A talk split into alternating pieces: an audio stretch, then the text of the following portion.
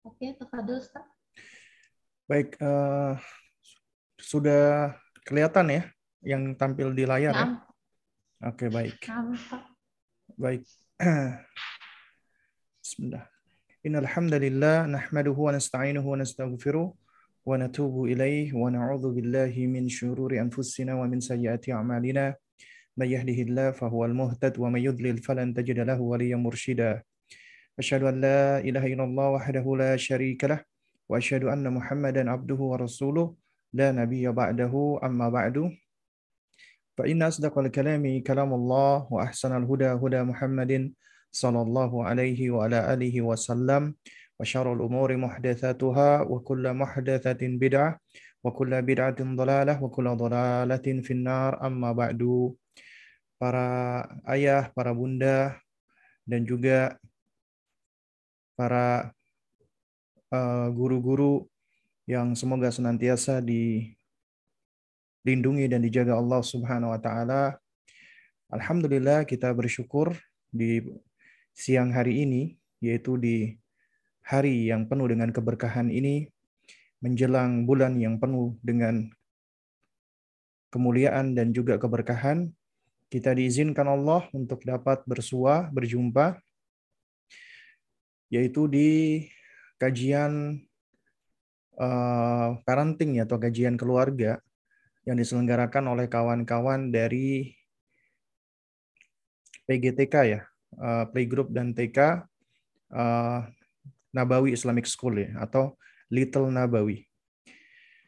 Dan di siang hari ini kita akan berbicara ya yang kaitannya Eh, dalam rangka untuk menyambut bulan Ramadan dan mempersiapkan anak-anak kita agar mereka belajar berpuasa. Dan ini sebenarnya adalah suatu hal yang yang apa ya yang cukup uh,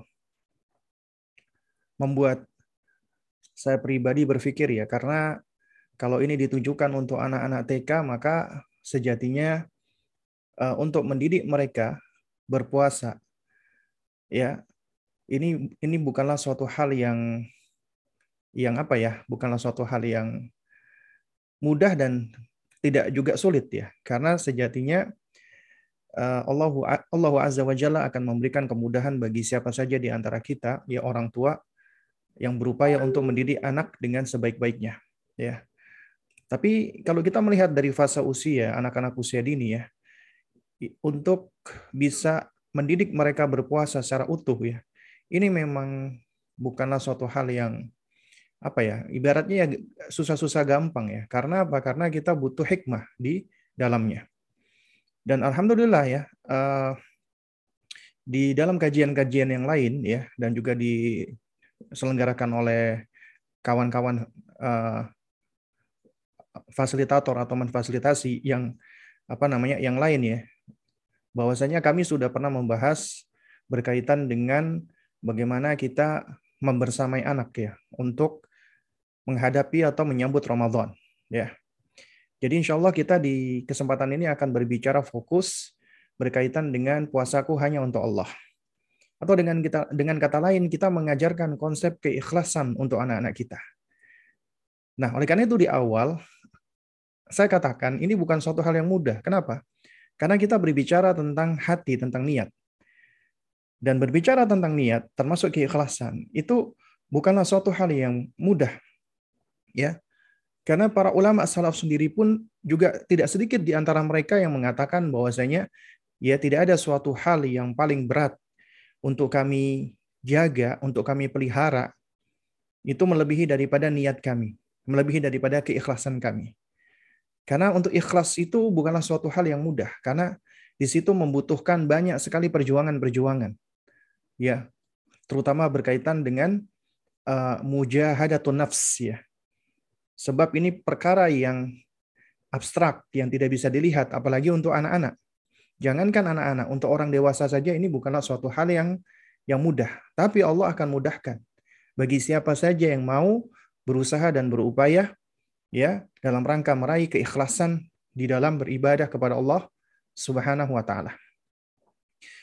Nah, jadi ayah bunda sekalian menggunakan Allah ya, poin-poin yang akan saya sampaikan di sini Yang pertama adalah tentunya untuk kita sebagai orang tua.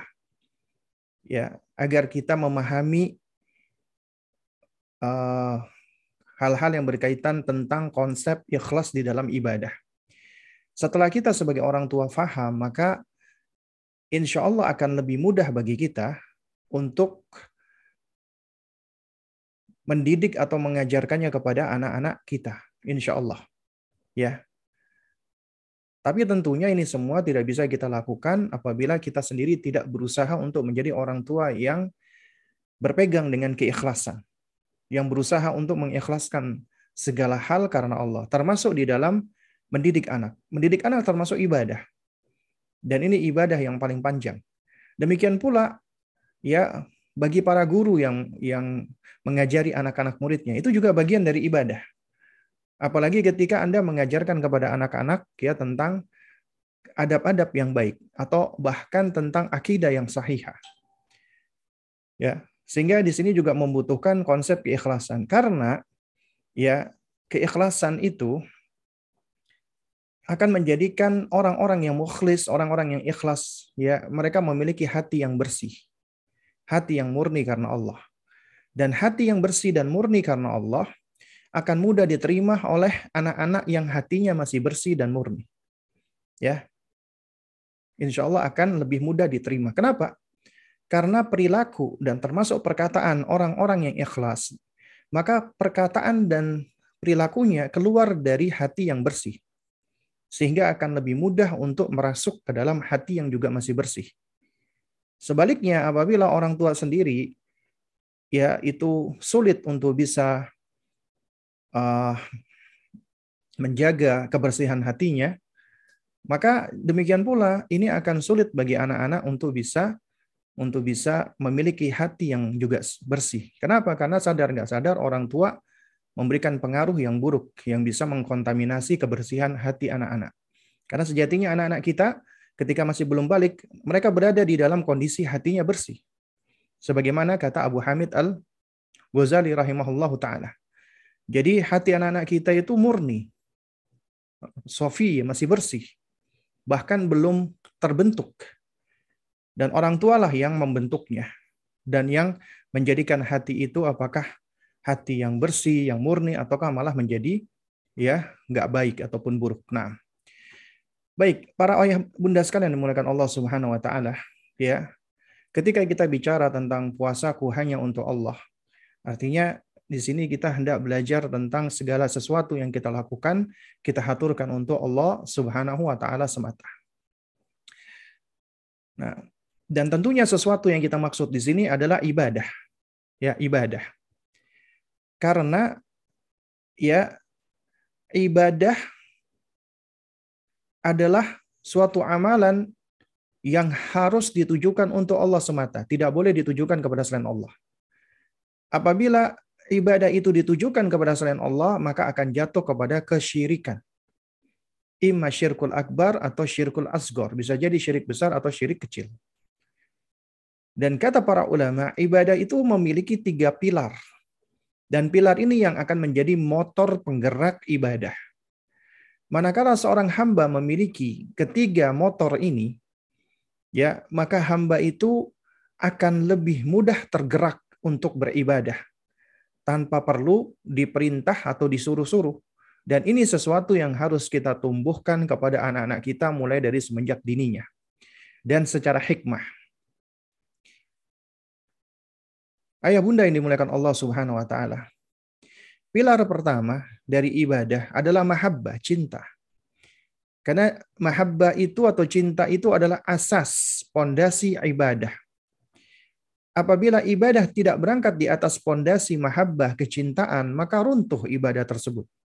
Ya, runtuh, hancur ibadah tersebut.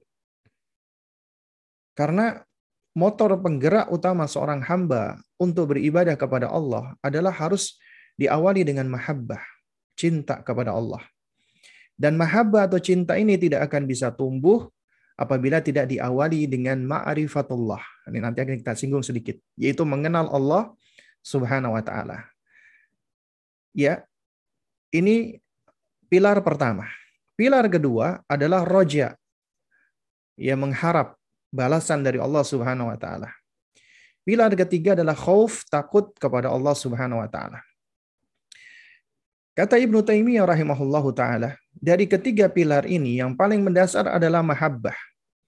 Karena inilah yang dituju di dalam ibadah itu sendiri. Sebab manakala seorang hamba beribadah dengan mahabbah, mahabbah ini akan melahirkan dua hal ini. Roja dan khauf, harap dan takut. Karena apabila seorang dia mengaku mencintai tapi tidak ada harap dan tidak ada takutnya, maka kecintaannya patut untuk dicurigai. Jangan-jangan itu bukan kecintaan yang sejati, bukan kecintaan yang sebenarnya. Misal nih, kita contoh ya, contoh ya. Kita bicara tentang cinta antar sesama manusia. Suami mencintai istrinya atau sebaliknya istri mencintai suaminya. Apabila kecintaannya itu benar, kecintaannya itu adalah cinta yang sejati, maka orang yang mencintai itu akan muncul di dalam dirinya roja dan khauf. Ibaratnya burung, ya, maka mahabbah ini adalah tubuhnya atau bahkan kepalanya. Roja dan khauf ini sayapnya. Gak mungkin bisa terbang apabila kedua sayap ini harus mengepakkan bersamaan. Ya, Anda mencintai istri, Anda mencintai suami, misalnya. Kecintaan itu mengharuskan munculnya harapan. Apa harapannya? Harapannya adalah Anda pun juga mendapatkan balasan cinta. Harapannya adalah orang yang Anda cintai berbahagia. Ya, harapannya adalah ya uh, orang yang kita cintai ini dia juga uh, senang dan membalas cinta kita. Ya. Di sisi lain, juga akan memunculkan rasa khauf, rasa takut. Takut apabila kita menyakiti hatinya. Takut apabila dia marah dan murka. Takut apabila ternyata kita yang kita lakukan ini malah membuat orang yang kita cintai itu ya malah nggak nyaman dengan kita, malah menjauh dari kita. Ya. Karenanya cinta harus diiringi dengan roja dan khauf. Janganlah ya Anda mengklaim Anda mencintai pasangan Anda, sementara Anda nggak tahu apa yang disukai oleh pasangan Anda. Anda mengabaikan ya perasaan-perasaan pasangan Anda. Misalnya dia sebel ya biarin aja, yang penting aku sayang. Ya. Nah, berarti ya cinta Anda itu adalah cinta yang yang palsu sebenarnya. Kenapa? Karena kecintaan itu seharusnya melahirkan roja. Anda mengharap dia juga mencintai Anda. Ya, dan juga Anda khawatir, takut apabila dia tidak mencintai Anda. Itulah kecintaan yang sebenarnya.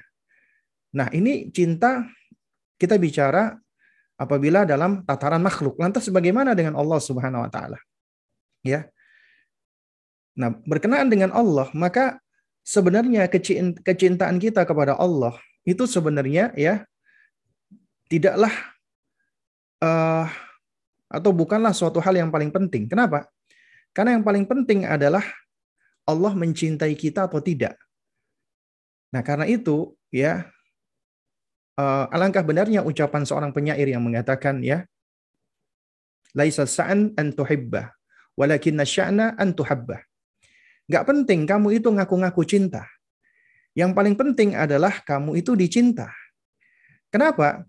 Karena betapa banyak orang mengklaim aku sayang, aku cinta, tapi cuma sekedar klaim. Itu cuma subjektivitas dari dirinya. Dia seakan-akan ia menunjukkan ya aku menyayangi kok, aku cinta kok, tapi nggak ada buktinya. Mana buktinya? Ya, sementara apabila seseorang itu dicinta, ya disayangi, maka kecintaan dan sayang itu nggak lepas daripada upaya kita, upaya orang yang mencintai itu untuk bisa mendapatkan cinta tersebut ya. Artinya ya ketika Allah mencintai seorang hamba maka itu nggak lepas daripada apa yang dilakukan oleh hamba tersebut ya. Ini apa sebagai sebab sehingga Allah mencintainya ya. Sehingga Allah mencintai hamba tersebut. Karenanya Allah terangkan hal-hal yang dapat mendatangkan kecintaan Allah. Misalnya Allah mencintai orang-orang yang sabar ya. Misal. Nah berarti ya untuk mendapatkan kecintaan Allah kita harus bersabar. Itu di antara faktor untuk bisa menghadirkan atau mendatangkan kecintaan Allah. Karena yang disampaikan oleh penyair ini benar. Ya, Laisa sya'an an. Gak penting kamu itu ngaku-ngaku kamu cinta. Gak penting itu. Ya, walakin sya'na an. Yang paling penting adalah kamu dicintai. Kamu disayangi. Itu yang paling penting. Dan orang yang mencinta, dia berada di dalam kondisi harap-harap cemas.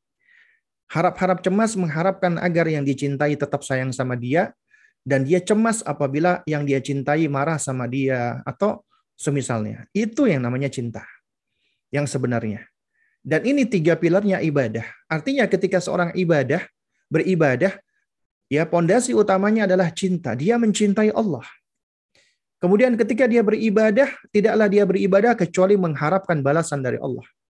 Dengan ibadahnya, ya, dengan ibadahnya, dia mengharapkan agar dirinya dicintai Allah. Agar Allah membalas amal-amal perbuatannya. Dan juga di sisi lain, dia cemas, dia takut apabila Allah tidak menerima ibadahnya. Allah murka dengan dia. Allah marah dengan dia. Nah, ini yang akan menggerakkan seseorang ketika beribadah, ibadahnya itu murni, pure, ikhlas karena Allah. Nah, karena itu jangan janganlah kita uh, apa namanya tertipu ya dengan ucapan-ucapan ya dari apa namanya dari Eh, orang-orang yang dikatakan orang-orang sufi ya karena dahulu ya saya pun juga pernah merasa takjub ketika mendengarkan ada orang-orang sufi yang mengatakan ya Allah sekiranya aku beribadah karena mengharap surgamu maka hempaskan maka haramkanlah untukku surgamu artinya jangan masukkan aku ke surgamu dan kalau aku beribadah karena takut kepada neraka, hempaskanlah aku ke dalam neraka. Karena sejatinya aku mencinta, aku aku beribadah kepadamu semata-mata karena aku mencintai dirimu. Wah, seakan-akan ucapan indah. Ya. Tapi setelah beberapa waktu, setelah ngaji, belajar, ternyata tahu ini ucapan orang sombong. Ini perkataan orang-orang sombong, nggak ngerti tentang ibadah. Kenapa demikian? Karena Rasulullah Shallallahu Alaihi Wasallam orang yang paling bertakwa, yang paling takut kepada Allah, ya, yang paling yang paling saleh, yang paling baik.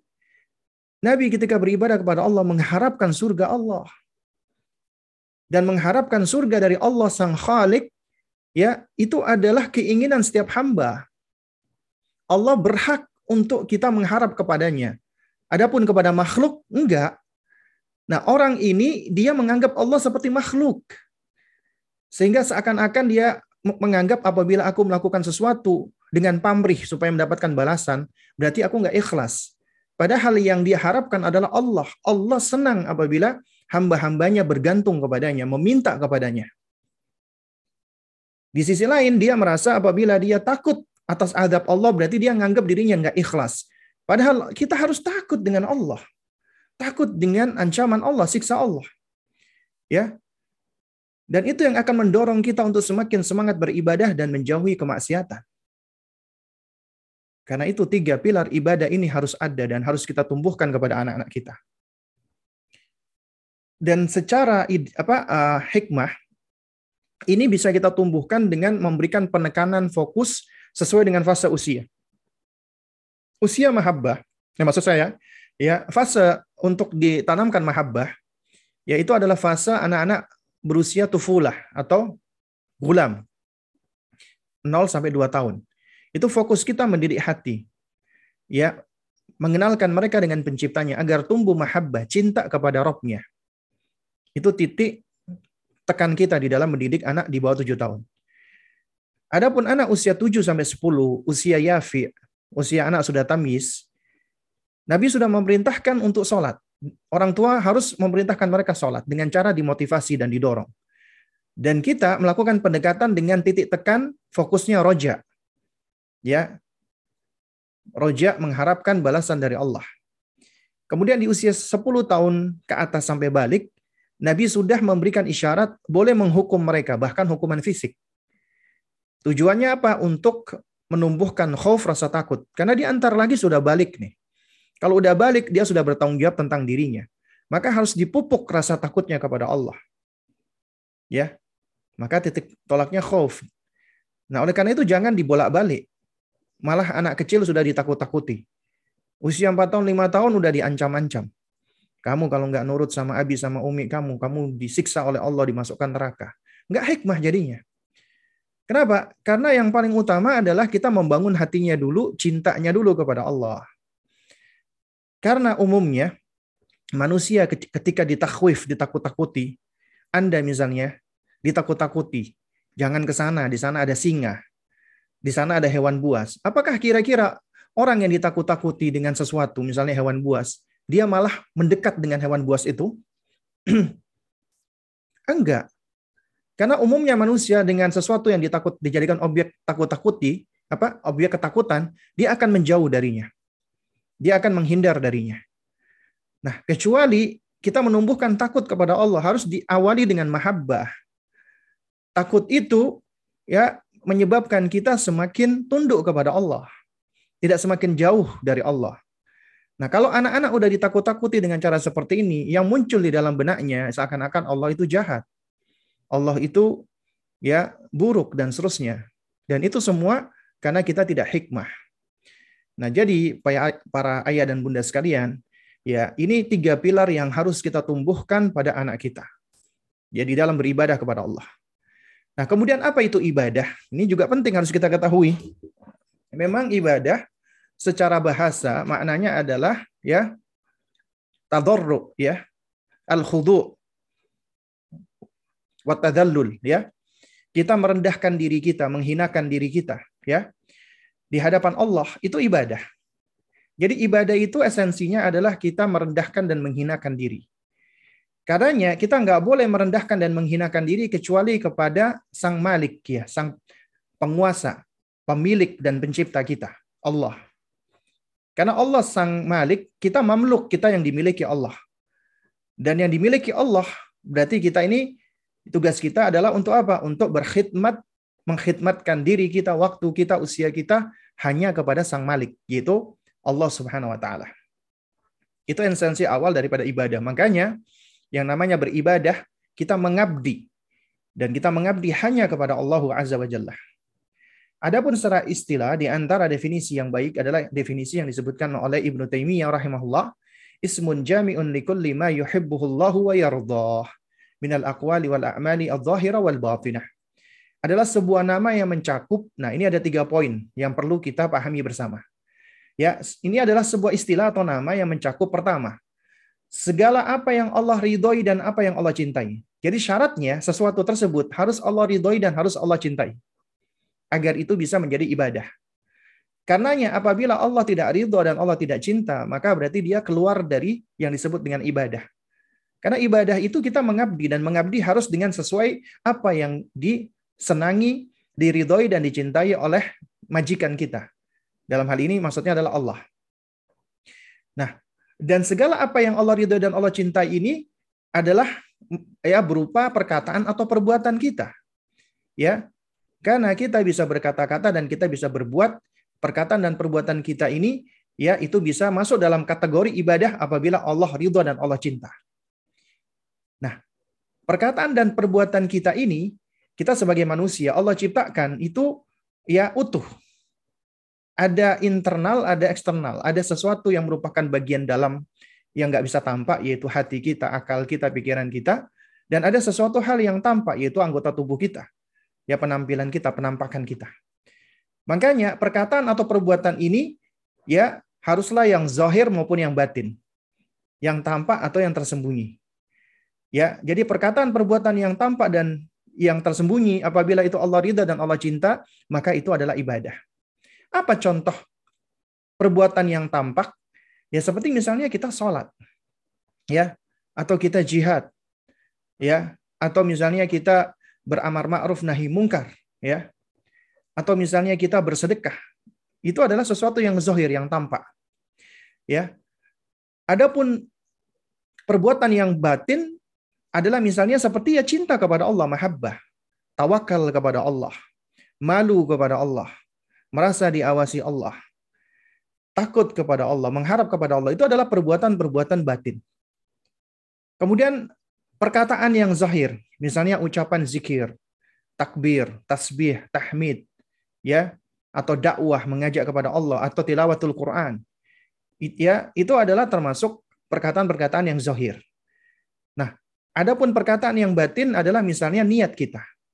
Ya, niat. Nah, niat itu apabila ketika melakukan sesuatu niat kita adalah untuk mendapatkan ridho dan cinta Allah, maka niat kita itu bisa bernilai ibadah. Seperti misalnya contoh. Ya, inilah bedanya orang yang berilmu dengan orang yang tidak berilmu. Orang yang berilmu itu dengan niatnya itu dia bisa mendulang banyak sekali pahala. Contoh misalnya dalam hal minum. Minum itu adalah kebutuhan manusia. Orang langsung minum, ya itu mubah. Ya, mubah meskipun dia nggak pakai basmalah karena membaca basmalah tidak wajib hukumnya. Ya, hukumnya yang paling tepat tidak wajib. Ya. Hukumnya adalah mustahab, dianjurkan. Ya. Nah, tapi ketika orang itu berilmu, ketika hadir minuman di depannya, pertama dia bersyukur kepada Allah. Ya Allah, aku bersyukur kepadamu karena engkau telah berikan aku rezeki. Yang kedua, dia hadirkan niat di dalam dirinya, ya dengan minum itu, dia akan kembali beraktivitas, dia akan kembali beribadah, menguatkan dirinya. Maka dia mendapatkan pahala dari niatnya. Kemudian yang ketiga, dia mengambil air minum itu dan dia minum dengan tangan kanannya. Dengan niat, aku mengikuti Rasulullah. Karena Rasulullah minum dengan tangan kanan. Dia mendapatkan pahala. Lalu kemudian yang keempat, sebelum minum dia mengucapkan basmalah. Dalam rangka untuk mengikuti Rasulullah. Dia dapat pahala. Lalu kemudian yang berikutnya, dia tidak ya tidak membuang nafas di dalam air. Kenapa? Karena mengikuti sunnahnya Rasulullah. Dia dapat pahala. Dan seterusnya. Jadi dalam aktivitas minum saja ternyata ya orang yang berilmu dia bisa mendulang banyak sekali pahala. Orang yang jahil, orang yang tidak belajar, orang yang tidak punya ilmu, apa yang dia lakukan, maka dia nggak mendapatkan apa-apa kecuali mungkin hausnya hilang. Nah inilah bedanya antara orang yang berilmu dengan orang yang tidak berilmu. Lantas bagaimana jika ilmu ini yang mengajarkan adalah Anda, wahai orang tua, kepada anak Anda? Dan ini sering kali mungkin ya menurut kita tampak remeh, tampak kecil, tapi sejatinya itu bisa menjadi ya tabungan pahala bagi kita yang senantiasa mengalirkan pahala ya. Jadi investasi yang sangat menguntungkan di dunia dan di akhirat. Ya. Anda misalnya mengajarkan anak sebelum melakukan sesuatu mengucapkan basmalah. Anda yang mengajarkan tersebut, maka Anda mendapatkan pahala. Ya. Nah, oleh karena itu, ya para ayah bunda sekalian, ya, apabila kita mengucapkan atau melakukan sesuatu yang zahir atau batin. Kemudian yang kita lakukan itu ternyata Allah ridhoi dan Allah cintai, maka itu akan bernilai ibadah atau bahkan akan dibalas oleh Allah Subhanahu wa taala karena itu adalah bagian dari ibadah. Kemudian ternyata ibadah itu memiliki syarat dan kita insya Allah sudah tahu semuanya syaratnya. Ikhlas dan mutabah alias mengikuti Rasulullah Shallallahu Alaihi Wasallam. Ya. Nah, ketika Allah Subhanahu wa taala berfirman ya, Allah Azza wa Jalla menerangkan bahwasanya dialah Allah yang menciptakan hidup dan mati, ya. Ya. Alladzi khalaqal mauta ya wal hayata liyabluwakum ayyukum ahsanu amala. Dialah Allah yang menciptakan kehidupan dan kematian untuk menguji kalian Siapa yang paling ihsan amalnya, yang paling baik amalnya, bukan yang aksaru amala, bukan yang paling banyak amalnya, bukan. Tapi yang paling baik. Kata para ulama di antaranya Imam Fudail bin Iyad, ya ahsanu amala artinya adalah apa? Akhlasahu ya wa aswabahu. Yang paling ikhlas dan yang paling benar. Yang paling ikhlas berarti amalan itu dilakukan karena Allah. Yang paling benar berarti amalan tersebut adalah dilakukan sesuai dengan tuntunan Rasulullah. Caranya Rasulullah. Dan ini syarat ini sebenarnya berkaitan dengan poin kita ini. Yaitu terutama tentang apa yang Allah ridhoi dan apa yang Allah cintai. Kenapa demikian? Karena ya, kalau kita kembali ke definisi tadi, coba kita perhatikan definisinya. Ismun jami'un likulli ma yuhibbuhullah wa yardah. Ya, apa yang Allah Allah cintai dan apa Allah ridhoi. Nah, berarti ketika Anda beribadah kepada Allah Subhanahu wa taala, ya, maka tujuan Anda beribadah tersebut adalah untuk apa? Mendapatkan keridhaan dan kecintaan Allah. Agar Allah ridho dan cinta kepada Anda. Itulah ikhlas. Anda melakukan itu supaya Allah ridho dan Allah cinta. Kemudian yang kedua, ternyata ya kita ini nggak mampu untuk mengetahui apa yang Allah ridhoi dan apa yang Allah cintai. Kita nggak mampu. Ya, kita nggak bisa tahu Allah itu ya meridhoi apa dan mencintai apa. Kita nggak bisa tahu kecuali dengan mengikuti apa yang Allah sampaikan. Allah terangkan sendiri di dalam Al-Quran, kecuali dengan mengikuti manusia yang paling tahu apa yang Allah ridhoi dan apa yang Allah cintai dan manusia tersebut adalah manusia yang paling Allah ridhoi dan Allah cintai. Siapa itu Rasulullah? Karena kita nggak mungkin bisa mendapatkan kecintaan dan ridha Allah kecuali mengikuti firman-Nya Allah dan mengikuti sunnahnya Rasulullah Sallallahu Alaihi Wasallam. Nah, sehingga dengan kita mencari ridha dan cintanya Allah dan kemudian kita mengikuti tata cara yang di dituntunkan atau diajarkan oleh Allah dan Rasulnya, maka ibadah kita pun akan diterima. Ya, maka ibadah kita pun akan diterima oleh Allah. Ya. Nah, oleh karena itu, siapa yang beribadah kepada Allah dengan ikhlas, tapi ternyata dia tidak mengikuti tuntunan Rasulullah, maka percuma ibadahnya, nggak berguna. Ya, sebagaimana ibunda Aisyah radhiyallahu taala beliau meriwayatkan ucapan Nabi SAW, Man amila amalan laisa alaihi amruna fahuwa raddun. Siapa yang melakukan suatu amalan ya yang tidak ada tuntunannya dari Nabi SAW, maka percuma. Tertolak mardud. Demikian pula ada orang, dia beribadah mengikuti tata cara Nabi SAW. Tapi ternyata dia tidak ikhlas. Dia lakukan itu supaya dipuji. Atau supaya di, apa namanya, ya supaya dia mendapatkan tendensi-tendensi dunia misalnya maka berarti dia tidak ikhlas, amalnya sia-sia. Dan itu termasuk syirik, ya. Nah, nah. Baik. Jamaah sekali menggunakan Allah, ya. Poin berikut yang perlu kita ketahui adalah berarti kita ini beribadah harus ikhlas. Apa itu maksudnya ikhlas? Ikhlas itu kan berasal dari kata akhlasa, ya. Artinya sesuatu yang murni, ya. Artinya memurnikan atau membersihkan atau mensucikan sesuatu dari kotoran-kotoran atau kontaminan-kontaminannya. Dan yang dimaksud dengan ikhlas, ya di sini para ulama-ulama salaf, mereka memiliki definisi-definisi yang berbeda-beda, tapi maknanya saling menguatkan satu dengan yang lainnya. Saling melengkapi dan menyempurnakan. Di antara makna ikhlas itu maknanya adalah ifrodul haqqi bil qasdi.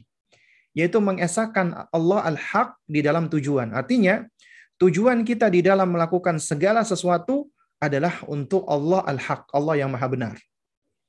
Ya maka itulah ikhlas. Atau ya Imam Ibrahim bin Adham, ya rahimahullah. Beliau mengatakan ikhlas itu adalah sidqun niyati Allah. Niat yang benar kepada Allah. Artinya, seseorang ketika melakukan sesuatu, dia luruskan dan dia benarkan niatnya untuk Allah, maka itulah ikhlas. Atau yang ketiga kata Imam Sahal bin Abdullah atau Sturi rahimahullah yang namanya ikhlas itu adalah an yakuna sukunul abdi wa harakatuhu lillah. Ya, yaitu apabila seorang hamba diam dan bergeraknya itu adalah untuk Allah. Ketika dia diam, dia lakukan untuk Allah. Ketika dia bergerak, dia lakukan untuk Allah. Artinya, aktivitasnya dia semuanya baik dia diam ataupun tidak diam atau alias bergerak semuanya untuk Allah maka itulah ikhlas. Atau yang ketiga adalah ya sebagaimana dikatakan oleh Imam Abu Uthman nisyanu ru'yatil khalqi bidawamin nadhari ilal khaliqi yaitu melupakan mengabaikan pandangan manusia dengan selalu kita ya melanggengkan untuk ya melihat pandangan Allah Subhanahu wa taala. Yaitu kita selalu apa namanya memandang Allah Azza wa Jalla. Kita nggak peduli dengan pandangan manusia. Kita nggak peduli dengan perkataan mereka, baik itu celaan ataupun pujian. Pujian manusia tidak akan mengangkat derajat kita. Celaan manusia tidak akan merendahkan kita. Tapi apabila Allah menghinakan, maka ya hamba tersebut akan terhina dan apabila Allah memuliakan hamba tersebut akan mulia. Karena itu yang bisa memuliakan dan menghinakan ya yakni al-mu'izzu wal mudhillu hanyalah Allah Subhanahu wa taala. Ya. Hanya Allah Azza wa Jalla. Atau juga disebutkan oleh Al-Imam Abu Hudzaifah yang namanya ikhlas adalah istiwa'u a'malil abdi fi dhahiri wal batin. Yaitu kesesuaian atau kesamaan antara ya amalnya seorang hamba baik zahir atau batin. Artinya ya apa yang ada di hatinya sama dengan apa yang dia wujudkan di dalam amal perbuatannya. Itulah ikhlas. Nah, jadi ya ikhlas itu adalah ya ini afan ya bukan ibadah, ikhlas ya. Maksudnya ya ikhlas, ikhlas di dalam ibadah adalah sorful amali ya muqtariban bihi ilallahi wahdahu la riya'an wala sum'atan. Yaitu mengarahkan amalan dalam rangka untuk mendekatkan diri kepada Allah Azza wa Jalla semata tanpa diiringi dengan riya dan sum'ah. Riya artinya ingin dilihat, sum'ah ingin didengar. Wala talaban lid dunia, tidak pula untuk mencari dunia. Ya, wala tasannu'an lil khalqi, tidak pula dia melakukannya dalam rangka untuk ya untuk makhluk ya supaya dilihat oleh orang lain atau supaya dia dipuji oleh orang lain ya wa inna mayarju bihi thawaballahi taala ya dan dia melakukan amalan ini semata-mata untuk mengharapkan balasan dari Allah wa yakhsha iqabahu takut atas hukuman Allah wa yatma'u fi ridahu dan berambisi atau uh, apa namanya tamak ya uh, mengobsesi diri dalam rangka untuk meraih ridhonya Allah. Maka itulah ikhlas di dalam ibadah. Nah, jadi kalau begitu siapa ini maksud dengan orang yang ikhlas? Orang yang ikhlas adalah huwallazi ya'malu wa la yuhibbu an yahmadahu nasu. Orang yang ikhlas adalah orang yang beramal dan dia tidak senang dipuji orang lain karena amalnya tersebut. Artinya ketika dia beramal, bukan karena supaya untuk dipuji oleh orang lain. Ini adalah pondasi yang perlu kita ajarkan kepada anak kita. Duh, tapi Ustaz, anak-anak itu kan senang dipuji, nanti akan kita singgung. Ya. Karena ya cara kita mengajarkan kepada anak-anak ya itu tentunya ada step-stepnya. Untuk bisa mencapai keikhlasan yaitu ketika beramal adalah bukan untuk dipuji oleh orang lain. Kenapa? Karena betapa banyak orang tua meletakkan pijakan yang keliru sehingga akhirnya anak itu senang dipuji dan akhirnya anak itu hidupnya, tumbuhnya makan puji istilahnya. Artinya dia menjadi sosok yang people pleaser. Mencari pujian orang lain, mencari ridhonya orang lain. Akhirnya hidupnya nggak akan tenang, nggak akan nyaman, nggak akan damai. Atau yang kedua, orang yang ikhlas itu adalah orang yang man yaktamu hasanatihi kama yaktamu sayyiatihi orang yang menyembunyikan kebaikan-kebaikannya sebagaimana ia menyembunyikan keburukannya. Ini mohon maaf ya, ada kesalahan ketik ya. Orang yang menyembunyikan kebaikan, bukan menyembunyikan keburukan ya. Orang yang menyembunyikan kebaikan sebagaimana ia menyembunyikan keburukan. Artinya, ketika seseorang dia malu, keburukannya tampak, dia ingin keburukannya itu tertutupi, maka demikian pula dia ingin supaya kebaikannya juga tersembunyi sebagaimana keburukannya itu tersembunyi. Nah, itu orang yang ikhlas. Atau yang ketiga adalah man yastawi indahu madihuhu wa. Orang yang sama aja, ya. Di sisinya antara orang yang memuji atau mencelaknya itu sama aja, nggak memberikan pengaruh buat dirinya.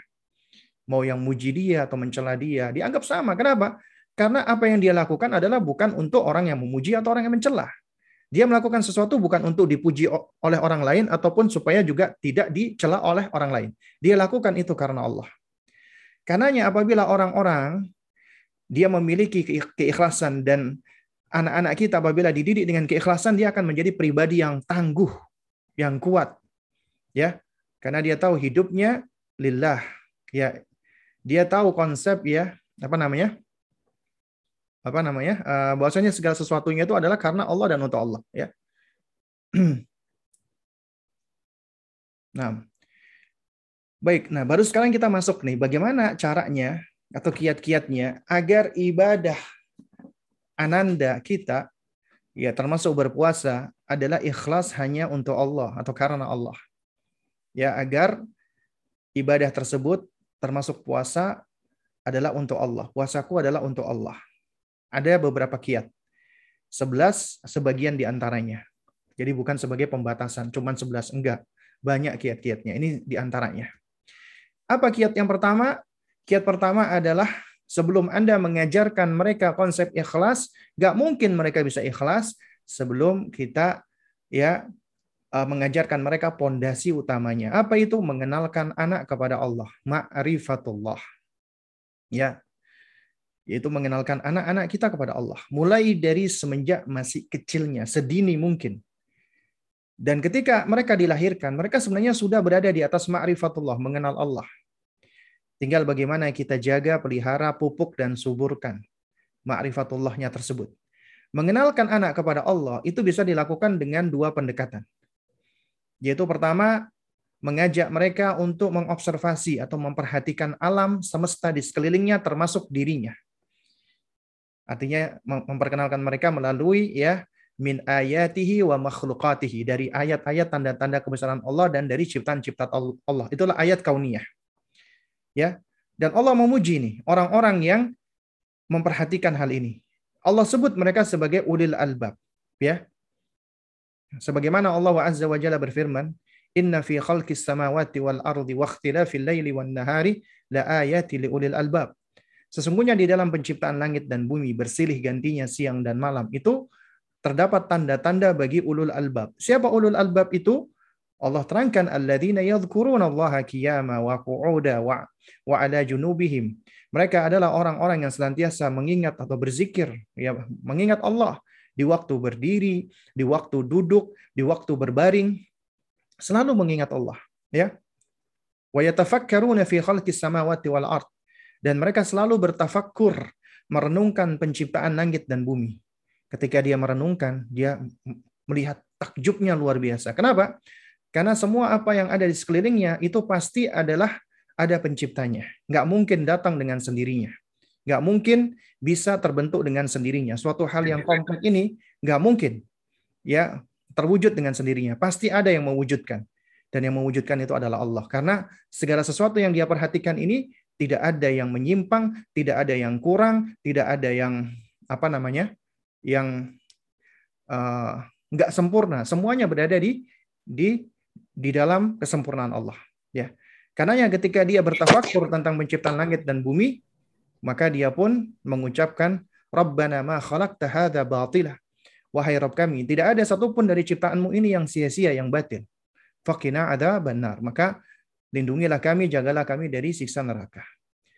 Nah, jadi ketika Anda mengajak mereka, anak-anak kita memperhatikan, mulai dari dirinya dan di sekelilingnya, sejatinya kita sedang mengenalkan mereka dengan penciptanya mengenalkan mereka dengan penciptanya yaitu melalui apa yang ada di sekelilingnya, termasuk dirinya. Berarti untuk mengenalkan anak kepada penciptanya itu bisa di, dimulai dengan mereka mengenal diri mereka sendiri. Ya, mengenal tentang diri mereka sendiri. Ya, misalnya orang tua mengucapkan, Masya Allah, anak Umi, ya, kamu adalah anak yang Allah titipkan untuk Umi. Allah menciptakan kamu. Umi juga eh, Allah ciptakan untuk bisa menjaga kamu. Artinya orang tua menghargai anaknya karunia dari Allah dan orang tua mengingatkan orang tuanya adalah juga karunia buat anaknya yang akan menyayangi dan menjaga. Anak mengenal cintanya Allah, kasih sayangnya Allah itu melalui orang tuanya. Karena Allah titipkan anak tersebut dia melalui orang tuanya dan Allah sudah berikan potensi-potensi kepada orang tuanya untuk bisa menjaga anak dengan sebaik-baiknya. Jadi cara kita mengajarkan mereka untuk ma'rifatullah adalah mengajak mereka untuk mengenali dirinya dan mengenali apa yang ada di sekelilingnya. Ya. Dan yang kedua adalah mengajak anak untuk memperhatikan kalam Allah. Atau dari kecil sudah ditasmi dengan kalam Allah dan kalimat-kalimat thayyibah. Ya, karena Allah bisa dikenal selain dari ayat kauniyah melalui ya, itu juga melalui ayat kauliyah, melalui kalamnya dari firmannya. Dan ingat ya ayah bunda sekalian, semakin Allah itu dikenali, maka akan semakin besar rasa cinta dan pengagungan hamba yang tumbuh. Karena yang yang berupaya untuk dikenali ini adalah ya Rob kita, Khalik yang sempurna sifatnya. Ya, sehingga apabila dipelajari dan semakin kenal, maka akan semakin besar rasa cintanya dan akan semakin besar rasa syukur, ya, rasa takjub, takzim, pengagungan, rasa takut dan akan semakin menggerakkan untuk semangat beribadah kepadanya. Ya. Dan Anda ketika memperkenalkan anak Anda kepada Allah, sejatinya Anda sedang ya uh, mendidik mereka dan mempersiapkan mereka yaitu dalam rangka untuk apa namanya? mempersiapkan mereka menjalankan tujuan mereka diciptakan Allah di muka bumi ini. Apa tujuannya mereka diciptakan Allah di muka bumi ini? Juga kita dihadirkan Allah di muka bumi ini. Apa tujuannya?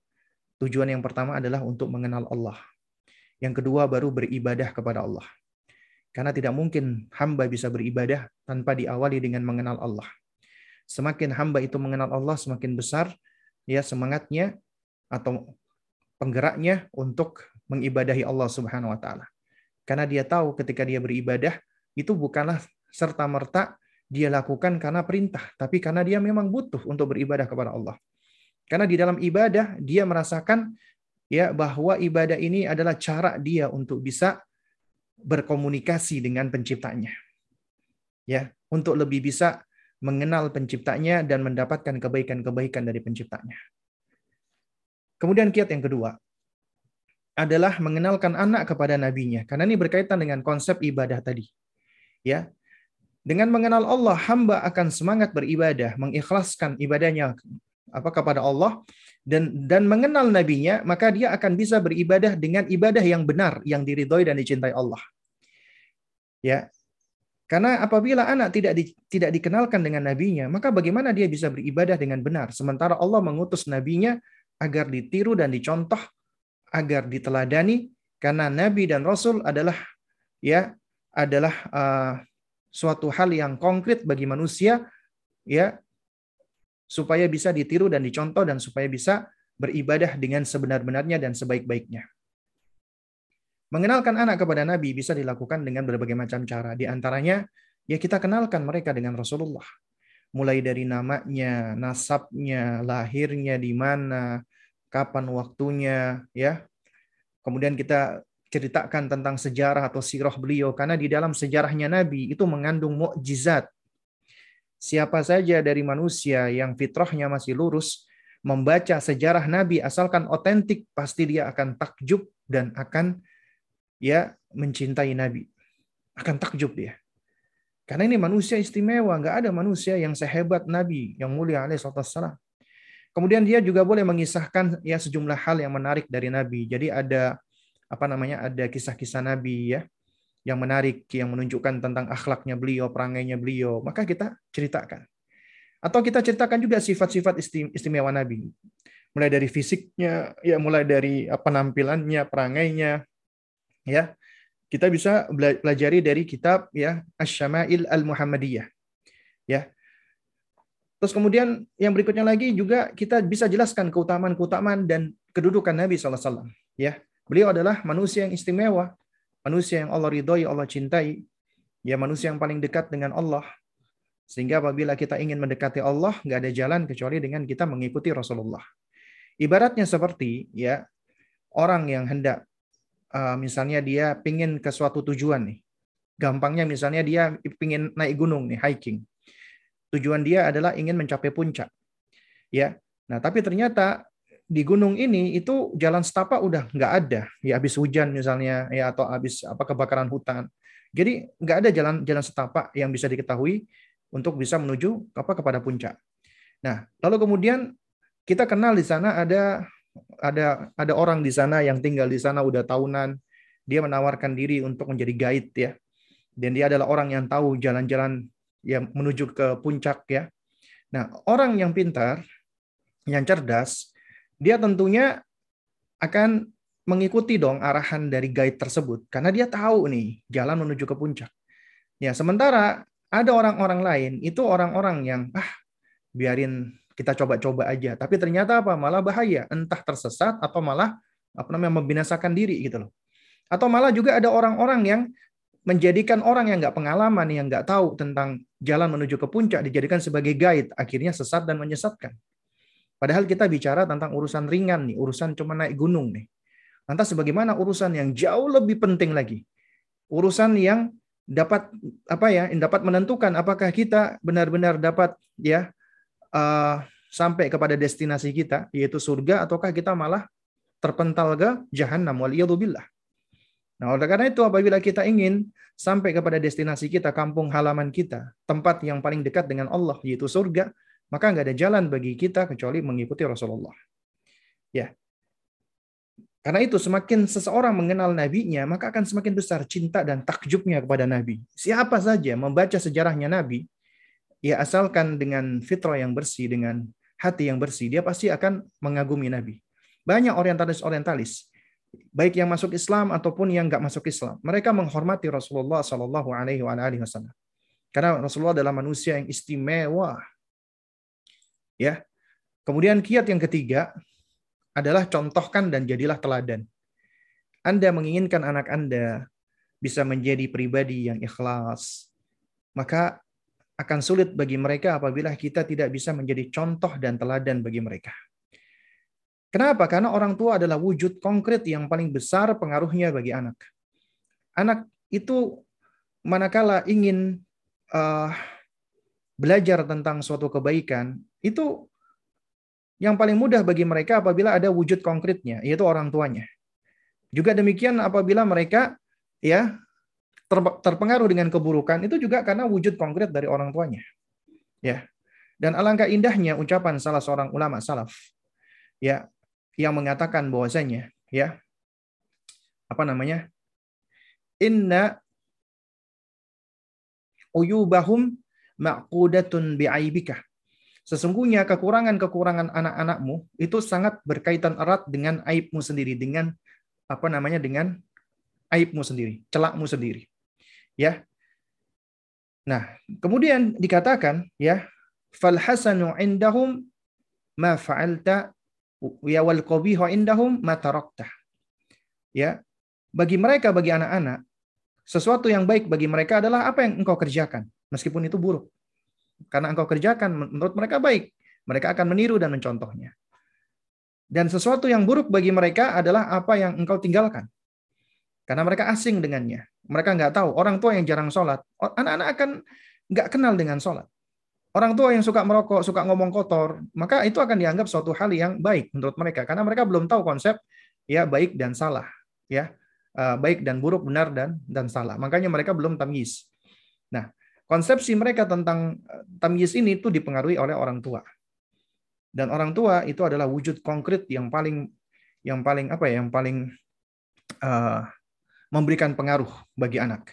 Entah itu dalam kebaikan ataupun di dalam keburukan.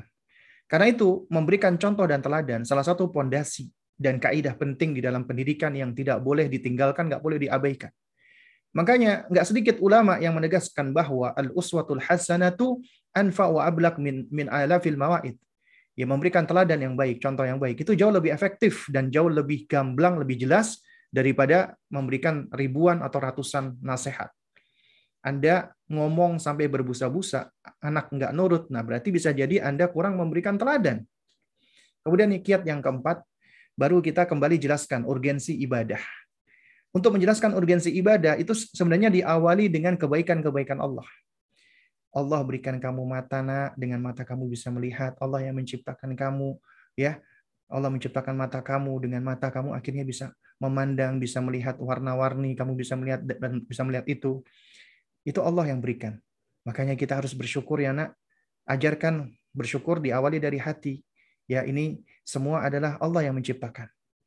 Agar kita apa mendidik hatinya agar anak tahu ternyata ini semua adalah pemberian Allah. Baru kemudian kita ajarkan ya eh, mengungkapkan syukur dengan lisan. Alhamdulillah ya nak, Allah berikan kamu mata.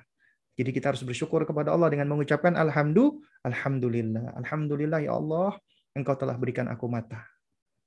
Ya. Setelah itu baru kita ajarkan bentuk syukur yang berikutnya adalah harus mewujudkan syukur itu di dalam ketaatan kepada Allah. Ya, kita ajarkan, alhamdulillah nak, Allah berikan kita mata, ya, dan mata kita titipan dari Allah kita gunakan untuk baik-baik ya. Kita nggak boleh untuk apa kita gunakan untuk melihat yang buruk-buruk, yang jelek-jelek ya. Nah, juga demikian misalnya tentang tangan. Allah berikan kamu tangan, dengan tangan kamu bisa menulis, kamu bisa memegang, kamu bisa melakukan banyak hal. Ya.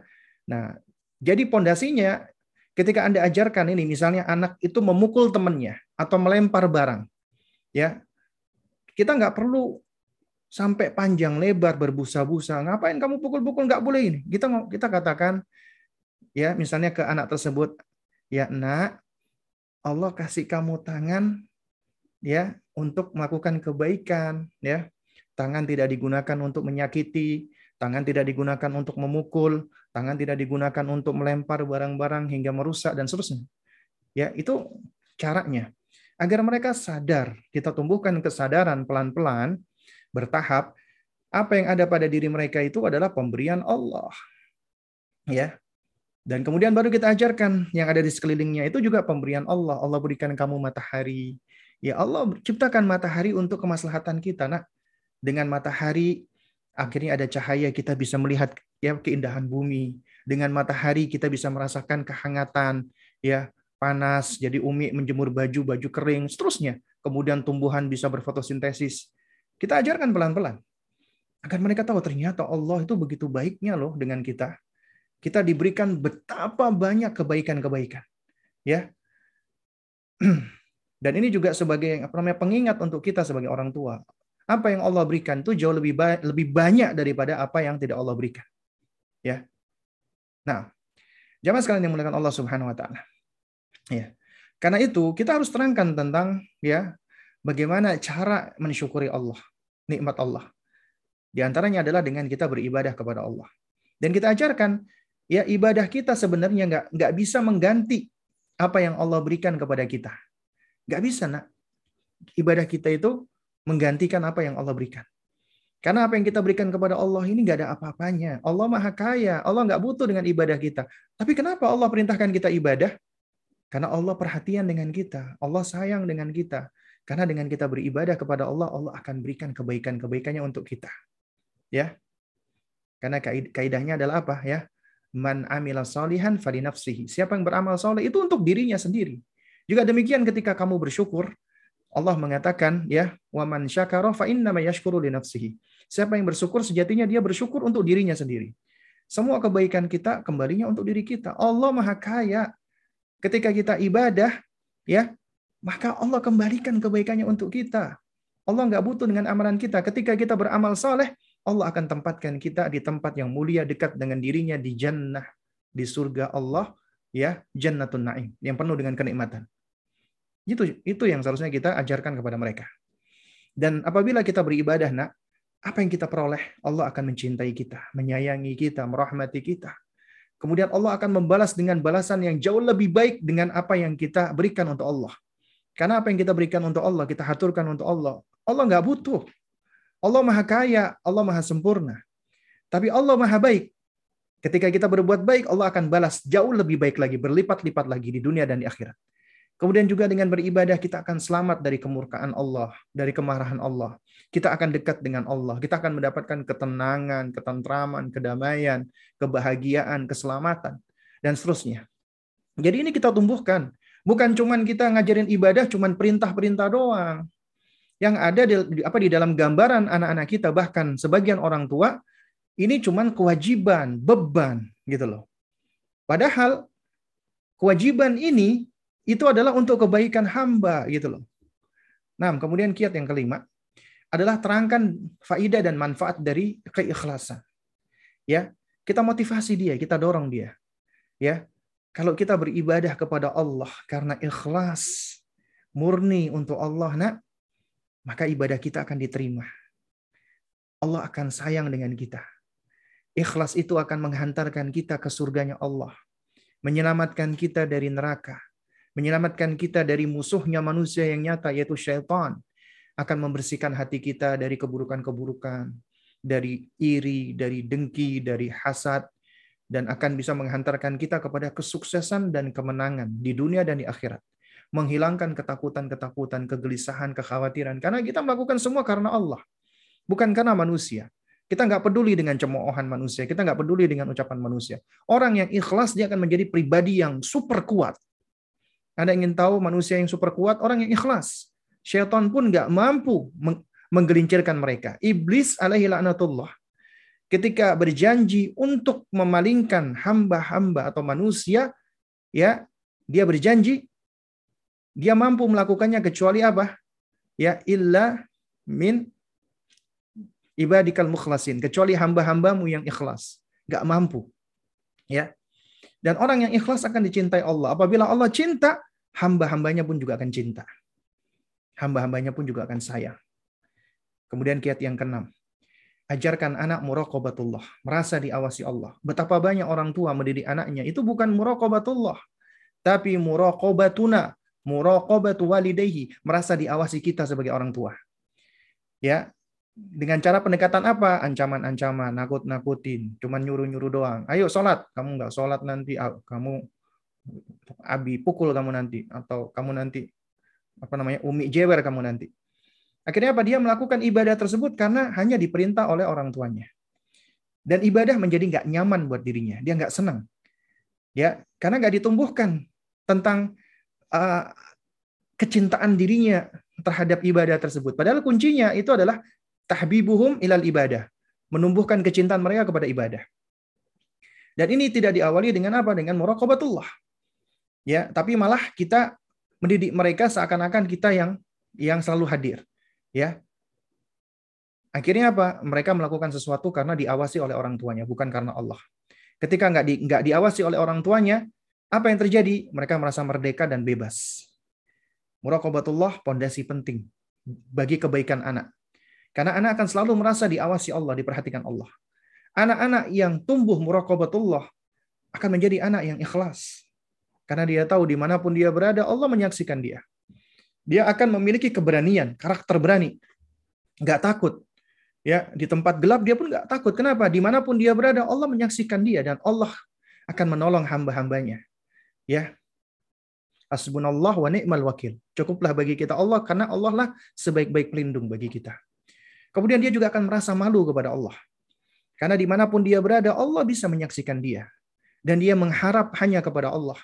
Dan dia, dan dia takut hanya kepada Allah. Dan terus banyak manfaatnya. Ya, Nah, di antara cara kita mendidik muraqabatullah kepada anak adalah dengan mengajarkan mereka sebagian dari tauhid asma wa sifat. Ya, sebagaimana sebagaimana metodenya Luqman, di antaranya dengan metode tamsil. Metode tamsil itu adalah metode takribul faham, mendekatkan pemahaman dengan mengkonkretkan sesuatu yang abstrak. Ya. Contoh misalnya nih contoh. Ya. Nah, ya. Kamu kalau berada di kamar, Umi nggak bisa tahu. Ya, kamu sembunyi, Umi nggak bisa tahu. Kamu sembunyi di lemari, sembunyi di ini, ya. Nah, juga sama. Kalau Umi sembunyi, ya Umi Umi sembunyi di sini dan situ, ya. Kamu juga nggak nggak tahu. Sekarang kamu nggak tahu. Abi sekarang di kantor lagi ngapain. Kakak sekarang di kamar lagi ngapain. Nggak ada yang tahu. Tapi Allah tahu gitu loh. Allah tahu segalanya, Allah tahu semuanya. Dan pengetahuan Allah itu sempurna. Allah tahu kamu di mana, di mana pun kamu berada. Allah tahu. Ini hal-hal yang harus diajarkan dan ditumbuhkan.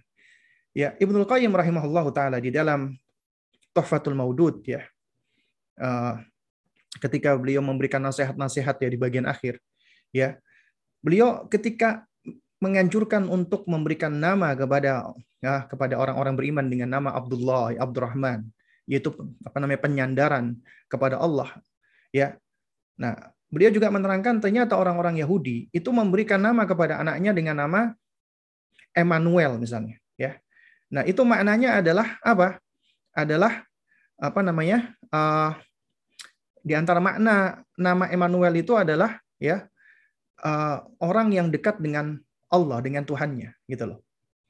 Nah karenanya sebagai Muslim kita harus lebih lebih getol lagi gitu loh di dalam mendidik anak kita agar mereka selalu merasa dekat dengan Allah. Nah, di antaranya dengan memberikan nama-nama yang mengandung uh, penyandaran kepada Allah, Abdullah, Abdurrahman dan yang semisalnya.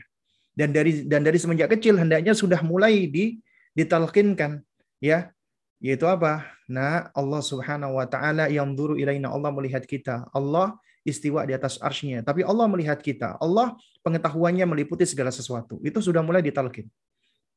Dalam rangka untuk mengajari muraqabatullah. Anak merasa diawasi Allah. Anak yang memiliki muraqabatullah itu karakternya akan menjadi karakter yang super hebat insya Allah. Karena apa? Karena dia nggak nggak akan merasa takut di mana pun dia berada. Karena dia yakin Allah menyertai dirinya. Ya, dia juga akan menjadi sosok yang menjaga dirinya. Karena dia malu apabila dia melakukan keburukan-keburukan. Orang lain mungkin nggak tahu, tapi Allah tahu. Ya. Nah, kemudian kiat yang ketujuh adalah ceritakan kisah-kisah keikhlasan. Banyak dari buku-bukunya para ulama betapa ikhlasnya mereka ataupun juga kisah-kisah dari dari Al-Qur'anul Karim. Ya. Nah, dan berkisah itu manfaat efektif di dalam mendidik anak-anak. Karena dengan kita ketika kita berkisah, ya tapi tentunya kisah-kisah yang benar ya. Ya, itu akan mengikat anak dengan karakter-karakter yang ada dalam kisah.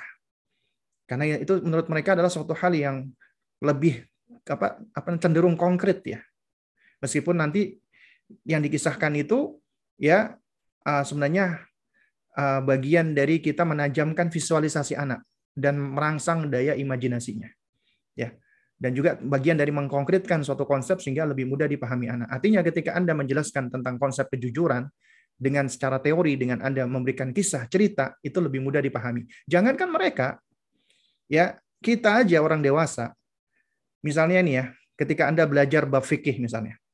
Ya, misalnya diterangkan tentang apa itu riba cuman definisi sering kali kita sulit untuk memahami. Tapi ketika diberikan contoh-contoh kasus, contohnya begini, contohnya begitu, nah kita langsung lebih mudah untuk memahami. Kenapa?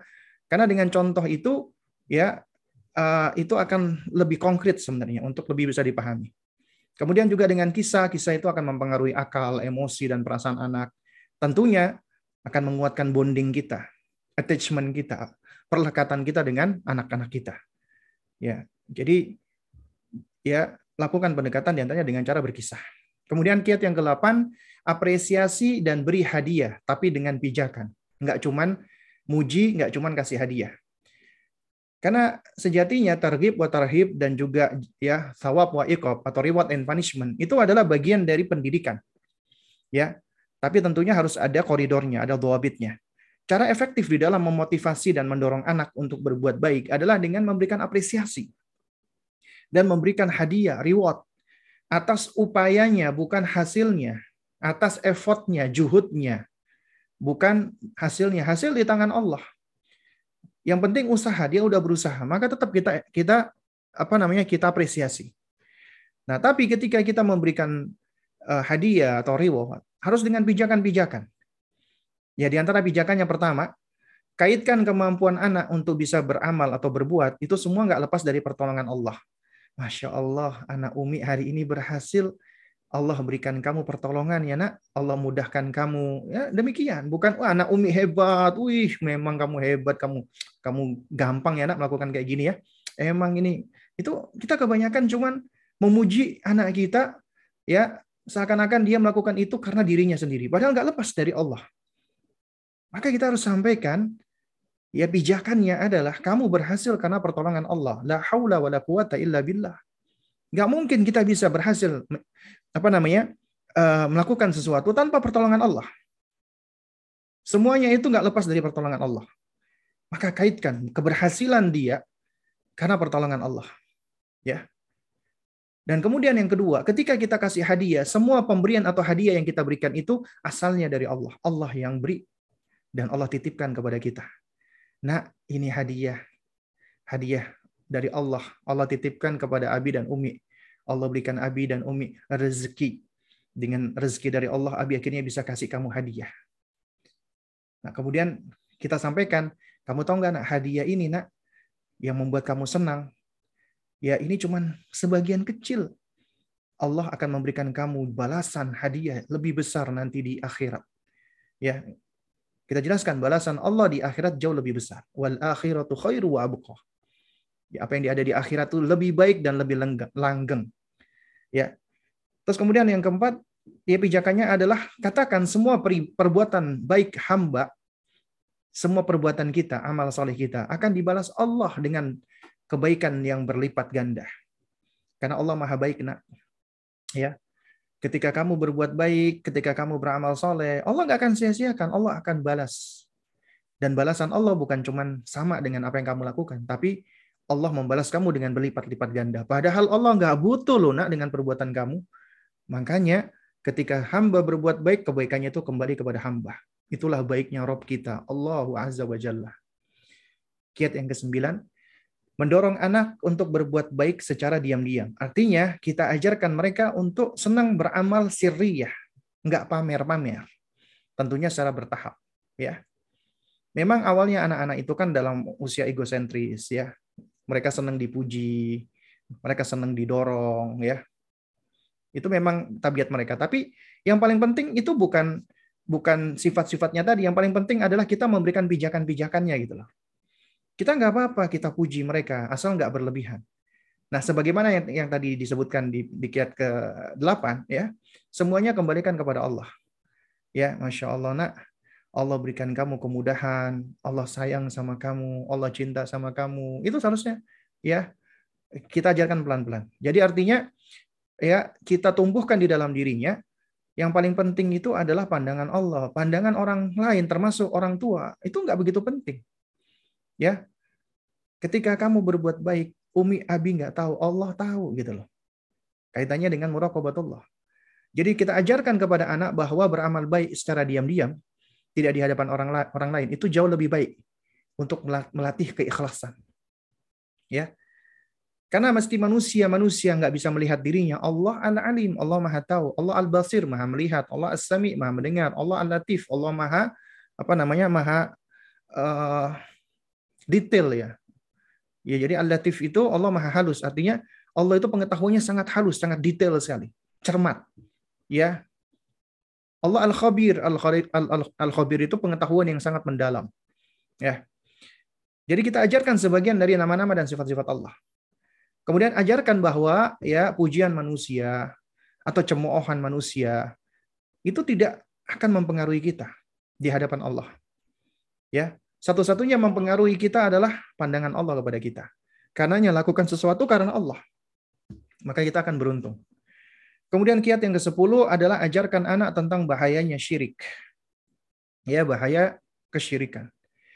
Karena syirik adalah dosa dan kezaliman besar yang dapat menyebabkan seorang itu terhina dan sengsara untuk selama-lamanya. Makanya nasihat Luqman kepada anaknya yang pertama kali adalah ya bunayya la tusyrik billah inna syirka la dzulmun adzim. Kemudian ajarkan anak-anak kita tentang bahayanya syirik, baik itu syirkul akbar ataupun syirkul asgar, syirik besar atau kecil dan jelaskan contoh-contohnya agar mereka tidak terjatuh ke dalamnya. Ya karena kaidahnya adalah syarra la li syarri walakin litawaqqihi.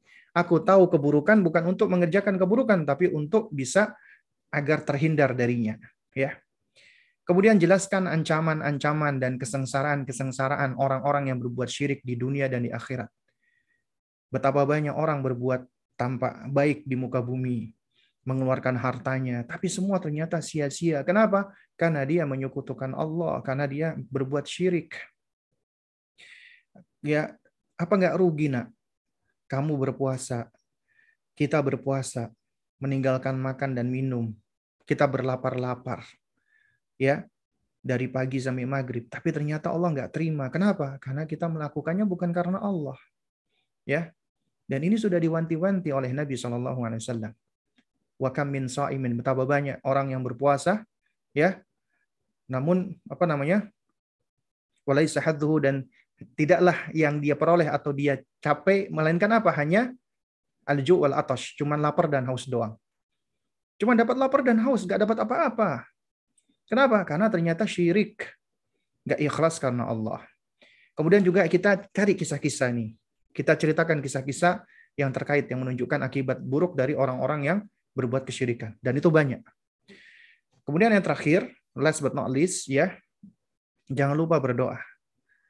Karena Allah yang menggenggam hati hamba-hambanya.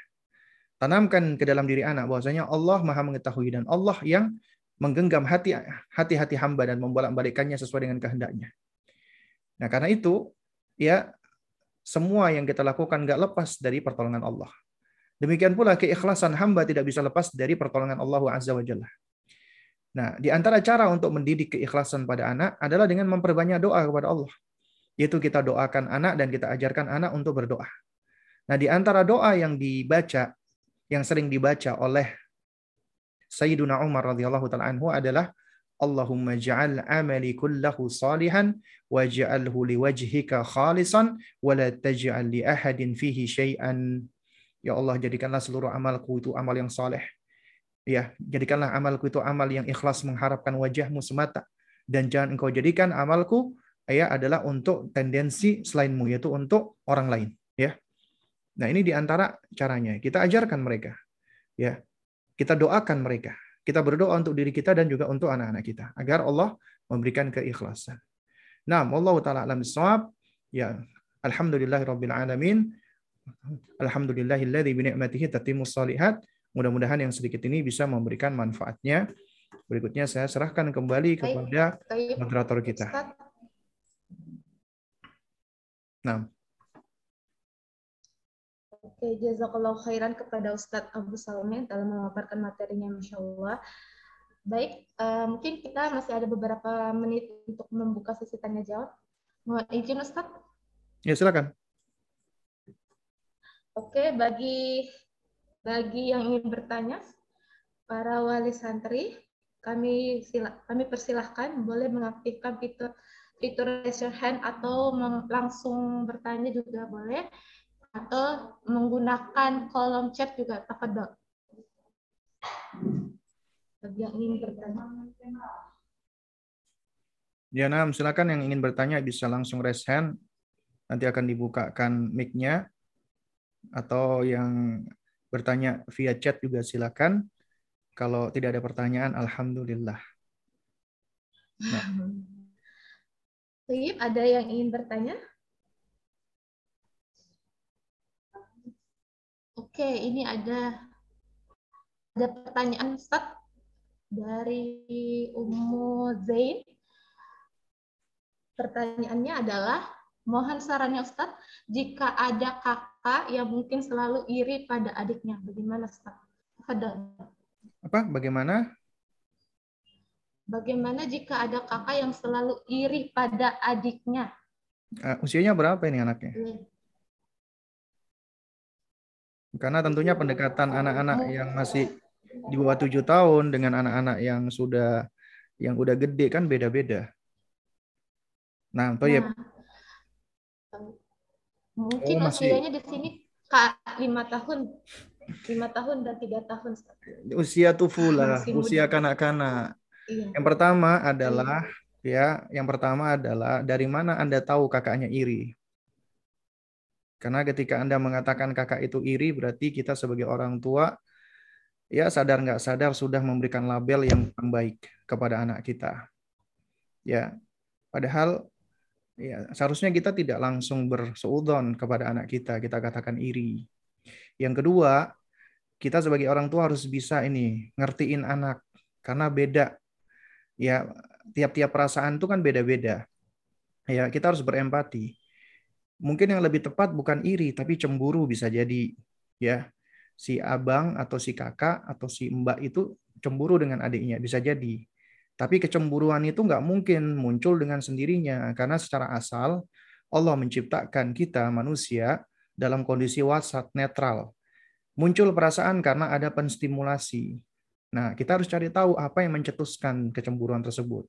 Yang ketiga adalah kita harus mengenal tentang sifat-sifat dan karakteristik anak-anak kita termasuk ya sifat-sifat di usia dini. Anak-anak di usia dini itu misalnya ya namanya pencemburu itu masih normal nggak sih? Oh ternyata normal. Ya berarti sebenarnya nggak ada yang perlu kita khawatirkan, masih normal. Anak di usia dini itu sifatnya inat, misalnya suka ngeyelan. Ya atau kasratul haroka, banyak bergerak, susah diem. Ya itu sifat-sifat alami mereka. Tugas kita adalah terus mendampingi ya dan mengarahkan mereka kepada kebaikan. Terus kemudian misalnya yang keempat, kakak sama adik ini berantem misalnya. Ustaz, anak saya berantem melulu ini Ustaz. Apa yang harus yang harus saya lakukan selama itu berantemnya nggak berbahaya? Biarkan. Ya, biarkan. Kenapa? Karena ketika kakak adik itu berantem, bukan artinya mereka saling membenci. Enggak, mereka saling mengenal, berusaha untuk saling mengenali. Mereka sedang mengenali dirinya mereka sendiri. Mereka sedang mengenali keinginannya, perasaannya, emosinya. Kemudian dengan respon di sekelilingnya. Sesuai dengan usianya. Demikian pula abangnya atau atau kakaknya. Jadi biarkan mereka menghadapi masalah. Ini berarti kita sedang melatih mereka untuk problem solving juga. Jangan selalu diintervensi. Jangan selalu kita ngebela adiknya atau kita nyalahin kakaknya. Jangan, biarkan. Nah, kemudian juga misalnya ketika lagi berantem, ya kalau udah berbahaya, misalnya si kakaknya bawa pentungan, misalnya baru kita intervensi, ya, baru kita intervensi, ya agar tidak menyakiti. secara fisik ya ke adiknya ya. Baru kemudian setelah itu kita dudukkan baik-baik. Kita dengarkan kedua apa namanya keduanya. Jangan langsung kita sudah punya anggapan, kamu kenapa sih Kak? Kamu kok selalu iri sama adikmu? Bagaimana kita bisa tahu kalau kalau dia iri, ya? Padahal bisa jadi dia cemburu. Iri dan cemburu nggak sama gitu loh. Nah, makanya kita sebagai orang tua juga harus belajar untuk mengidentifikasi emosi kita, perasaan kita. Karena kalau kita sendiri nggak bisa ngebedain nih, di antaranya betapa banyak ya ibu-ibu ketika lagi capek, apa emosi yang diwujudkan? Marah. Kemudian lagi ngantuk, marah. Lagi sedih, marah. Dari semua emosi yang ada diwujudkan dengan satu cara, marah. Semuanya marah. Akhirnya anak juga bingung. Semua juga diwujudkan dengan satu emosi marah. Padahal tiap emosi itu beda-beda. Allah menciptakan manusia emosi al-wijdan wal, wal ma'asyir itu sejatinya tiap emosi itu punya hikmah masing-masing loh. Ada pelajarannya loh. Ya. Agar kita itu lebih bisa mengenali diri kita. Ya, dan ini memang bahasanya cukup panjang sebenarnya. Cuman intinya adalah kita harus bisa mengenali emosi kita masing-masing dan kita ajarkan anak kita juga bisa mengidentifikasi emosinya dan kita harus berempati dan menvalidasi emosi mereka. Ya. Kemudian baru kita ajarkan bagaimana cara memanagenya, cara mengaturnya. Nggak bisa dihilangkan emosi, karena kita manusia. Kalau emosi dihilangkan, maka kita akan kehilangan sifat sifat kemanusiaan kita gitu loh. Ya. Nah, jadi nasihat saya adalah ya terus belajar, terus bersabar dan terus berusaha untuk mengenali diri kita dan anak-anak kita. Nah, Allah alam Baik, Ustaz, Masya Allah. Jazakallah khairan atas pemaparan uh, jawabannya. Kita lanjut, Ustaz. Uh, ada pertanyaan lagi dari Ummu Ayah. Ustaz, mohon dijelaskan mengenai bagaimana itu anak sebagai ujian bagi orang tuanya. Nah, anak itu adalah fitnah, ujian bagi orang tuanya, cobaan. Karena segala sesuatu yang ada di dunia ini adalah ujian. Ujian. Bukan cuma anak, Suami juga ujian, istri juga ujian, harta juga ujian. Dan ujian-ujian ini itu sejatinya ya ketika Allah mengkaruniakan sesuatu bagi kita, kita diuji nih. Karena Allah menguji kita bukan hanya dengan keburukan tapi juga dengan kebaikan. Apakah dengan dengan Allah uji misalnya ya dengan dengan apa namanya dengan sesuatu yang baik kita bersyukur kepada Allah ataukah kita malah kufur? Atau misalnya kita diuji oleh Allah Subhanahu wa taala dengan suatu apa keburukan, apakah kita bersabar ataukah kita malah murka dengan dengan keputusan Allah. Juga demikian anak bisa menjadi ujian. Ujian dalam artian ya bisa jadi ada orang tua yang sebelumnya sering ke masjid ya atau sering menuntut ilmu. Kemudian dengan adanya anak ujian dia kesulitan untuk bisa apa namanya apa namanya membagi waktunya dia untuk bisa lagi datang hadir ke masjid. Ujian memang ya. Nah, atau misalnya uh, juga ada orang tua yang diuji oleh Allah Subhanahu wa taala dengan anak yang misalnya suka suka bikin gaduh misalnya atau rame, susah dikasih tahu misalnya. Ujian dan itu harus dihadapi. Ima dengan syukur dan ima dengan sabar. Ya. Nah, kemudian ya uh, untuk mempersingkat waktu ya, uh, mungkin apa namanya? Saya yang langsung baca aja ya. Yang ada di chat nih kayaknya udah pada masuk ya. Ya, nah ini ada pertanyaan dari Ali ya. Uh, bagaimana cara menasehati anak usia 3 tahun? Insya Allah. Untuk tidak berlari-lari atau bermain di masjid ketika sedang ikut sholat di masjid. Apabila nggak diajak, dia menangis dan merasa kecewa karena tidak diajak ke masjid Ustaz. Mohon sarannya. Nah, mengajak anak ke masjid itu suatu hal yang baik apabila tujuannya untuk ya mengenalkan mereka dengan masjid dan menjadikan mereka cinta sama masjid, tapi tentunya harus diajarkan adab-adabnya. Dan anak tanggung jawabnya orang tua. Ketika orang tua membawa anak ke masjid, maka menjadi tanggung jawab kita sebagai orang tuanya agar mereka tidak mengganggu orang yang sedang beribadah atau orang yang sedang belajar di masjid tersebut. Kalau anak mengganggu, maka yang bisa kena dampaknya kita. Anak belum berdosa, tapi kita bisa jadi bisa menyebabkan eh bisa menjadi sebab ya akhirnya kita yang berdosa. Misal ada orang lagi sholat nih. Orang di masjid kan pingin sholat, ibadah, khusyuk. Ini anak ternyata rame-rame, nyanyi-nyanyi di dekat orang sholat. Dia terganggu. Ketika dia terganggu, dia pasti sebel. Ini anaknya siapa sih? Mana nih abinya ini? Kok dibiarkan begini? Akhirnya apa? Rasa sebelnya dia, keselnya dia, ya ke anak ini. Anak ini nggak dosa, tapi orang tuanya bisa jadi dosa. Makanya para ulama ya itu menasehatkan anak sebelum tujuh tahun hendaknya tidak dibawa ke masjid kecuali apabila memang orang tuanya bisa mendidiknya. Karena itu Anda ajak dia ketiga tahun, ayah, ah, afwan ya. Karena itu ya, hendaknya Anda ajak, ya diajak nih anak ke masjid, ya anak diajak ke masjid, tapi orang tuanya harus pelan-pelan mengajarkan adab. Ya, dan kita boleh mengajarkan dia adab dengan kita memberikan kayak reward and punishment. Abi ajak kamu ke masjid ya, tapi kamu nggak boleh apa namanya nggak boleh mengganggu orang ya kamu boleh bermain tapi jangan sampai mengganggu orang. Ya terus kemudian kita ajarkan masjid bukan tempat bermain ya kan? Ya, intinya kita harus uh, ajarkan adab-adab pelan-pelan. Kalau dia misalnya mengganggu jangan kita ajak ke masjid meskipun dia menangis. Ya nah sampai kita sampaikan Abi mau ngajak kamu ke masjid. Ya asalkan kamu diem ya. Bisa nggak di anak diajarin? Bisa. Bisa nggak dia dididik? Bisa karena itu ajarkan dia konsekuensi. Kalau dia melanggar, jangan kita ajak lagi. Kemudian kita sampaikan lagi. Abi ajak kamu ke masjid asalkan kamu tidak mengganggu orang. Itu boleh nggak? Boleh. Karena harus diajarkan adab dia dari semenjak kecil. Tapi Ustadz bukannya uh, kalau kayak gitu nanti malah anak nggak nggak apa ya tidak cinta sama masjid ya loh ya jamaah sekalian Anda ingin mengajarkan anak cinta dengan masjid tidak dengan cara Anda membiarkan dia berlaku seenaknya dalam tanda kutip ya di masjid. Karena masjid ini tempat yang istimewa yang harus dijaga hak-haknya. Nggak boleh dikotori, juga nggak boleh anak-anak itu bikin ribut. Anda ingin mengajarkan mereka cinta apa ke masjid, itu banyak cara. Anda bawa dia ke masjid pada saat lagi tidak ada ibadah. Anda ajak dia bermain di masjid, ya selama itu tidak mengganggu orang lain. Anda kenalkan tentang masjid. Dia mereka lari-lari di masjid. Asalkan tidak mengganggu orang lain nggak apa-apa. Tapi ketika sudah masuk waktu ibadah keberadaan mereka bisa mengganggu orang beribadah jangan. Ya jangan. Jadi anda boleh nyari waktu ngajak dia ke masjid tapi di waktu-waktu sedang tidak ada ibadah. Demikian pula anda mengajak anak ketika ngaji.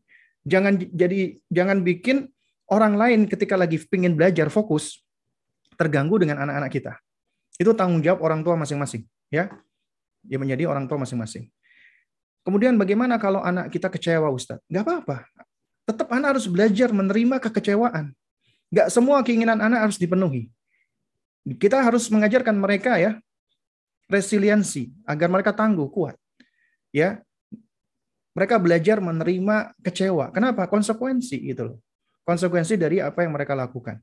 Nah, supaya mereka nggak kecewa, maka kita kita berikan arahan-arahan, kita bimbing, kita ajarkan ya adab-adab, ya. Nah, kalau kalau dia melakukan sesuatu yang baik, kita apresiasi gitu. Nah, kemudian ini mungkin yang terakhir ya, karena udah mau jam 3. Apakah untuk memberikan hadiah kepada anak harus diinfokan dulu dari awal kepada anak? Semisalnya, nak, nanti kamu kalau sudah bisa hafal surat ini, nanti mama belikan hadiah ya. Apakah dengan adanya reward si anak jadi keterusan hanya untuk mendapatkan reward? Misalnya saya mau hafal surat Al-Balad tapi ada rewardnya atau enggak ya? Nah, jadi memberikan reward and punishment itu ada ada qawaid dan ada dhawabit. Ada kaidah-kaidahnya dan ada koridor-koridornya. Secara asal boleh kita memberikan hadiah kepada anak-anak kita. Mau kita berikan hadiah secara apa namanya? secara spontan boleh atau mau kita kasih hadiah dengan dalam bentuk janji sebagai motivasi juga boleh. Boleh, ya. Jadi nggak mesti harus dalam bentuk janji dulu, nggak mesti harus juga dengan spontan. Dan memberikan hadiah kepada anak itu adalah ya asalib atau uslub cara di dalam pendidikan di antara cara-cara pendidikan yang begitu banyaknya. Ya, di antara caranya adalah kita memberikan uh, motivasi atau dorongan, ya kita memberikan reward itu cara ya. Dan ketika kita mempergunakan uslub demikian, itu juga harus sesuai dengan kaidah-kaidah di dalam agama kita atau kaidah-kaidah di dalam uh, pendidikan Islam. Ya, sebagaimana yang tadi sudah apa saya jelaskan tadi, ya yaitu ya apa namanya uh, Pondasinya adalah hadiah itu sejatinya adalah dari Allah Subhanahu wa taala. Ya dititipkan kepada kita. Kemudian yang kedua, keberhasilan dia adalah lantaran pertolongan Allah. Ya, kemudian yang ketiga, hadiah Allah di akhirat adalah jauh lebih baik lagi. Dah. Lalu kemudian boleh nggak sih anak-anak itu setiap melakukan sesuatu itu diiming-imingi dengan hadiah? Maka perlu kita ketahui ya, tidak semua pencapaian anak itu harus diberikan hadiah. Ya tidak semua. Sebagaimana tidak semua apa yang dilakukan anak itu ya diapresiasi. Ya. Karena harus dipilah-pilah sesuai dengan jenis amal, dengan jinsul amal. Contoh misalnya, anak yang baru pertama kali belajar. Misalnya dia belajar berzikir. Ya, ya kita apresiasi masya Allah. Atau dia baru atau baru belajar ngomong deh ya. Itu kita apresiasi masya Allah. Anak anak Abi, anak Umi udah bisa ngomong masya Allah, masya Allah, alhamdulillah ya. Tapi ketika dia udah bisa ngomong, masa kita apa selalu puji terus? Kan enggak, ya. Artinya kita harus bisa memilah-milih. Apalagi kalau itu sudah merupakan bagian dari kewajiban dan tanggung jawab dia.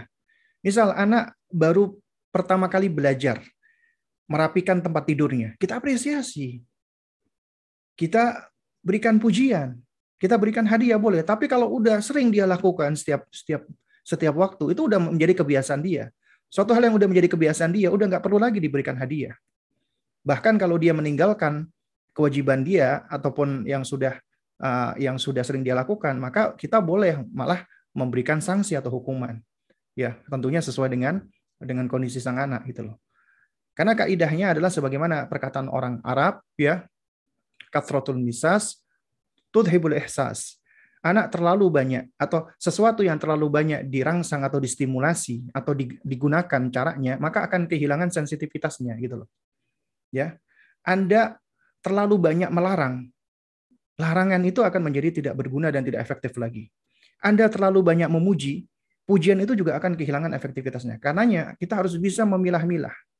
Kita harus bisa ya melihat kondisi mana atau kapan kita perlu memuji, kapan kita perlu apa namanya memberikan hadiah, kapan kita perlu menghukum dan pun pujian bermacam-macam. Hadiah atau reward juga bermacam-macam, ya. Enggak semuanya harus dalam bentuk uh, barang atau yang atau semisalnya, ya. Demikian pula hukuman itu juga bertingkat-tingkat dan ber, bermacam-macam. Ya, anwa. Jadi bukan cuma satu cara. Nah, jadi ini bisa kita apa namanya peroleh ya Maksudnya kita bisa ngerti dengan hal-hal ini dengan kita terus belajar dan kita mempraktekkan ilmu yang kita pelajari dengan mempraktekkan atau mengamalkan ilmu kita akan memiliki pengalaman dan pengalaman ya yang kita miliki apabila itu sering di sering apa sering terus dilakukan maka kita akan semakin banyak mengambil pelajaran-pelajaran akhirnya kita akan memiliki kemampuan berupa skill atau keterampilan atau seni di dalam mendidik. Jadi artinya orang tua akan mampu ini untuk memiliki kemampuan, keterampilan dan skill di dalam mendidik anak. Karena tentunya tiap anak berbeda-beda, unik, sehingga pendekatan ya kepada masing-masing anak berbeda. Demikian pula orang tua beda-beda. Ya, karenanya tidak bisa kita generalisir ya yang harus dilakukan oleh anak ini sama dengan anak itu. Bahkan antara kakak dan adik itu juga tentunya enggak enggak sama dan berbeda. Ya, sesuai dengan kondisi, sesuai dengan kebutuhan, dan ini mengharuskan kita memang untuk terus belajar. Insya Allah, ya selama kita mau terus belajar, mau menuntut ilmu, kita terus apa namanya membuka diri dan kita menganggap bahwasanya yang namanya mendidik anak ini ibadah. Ya ibadah.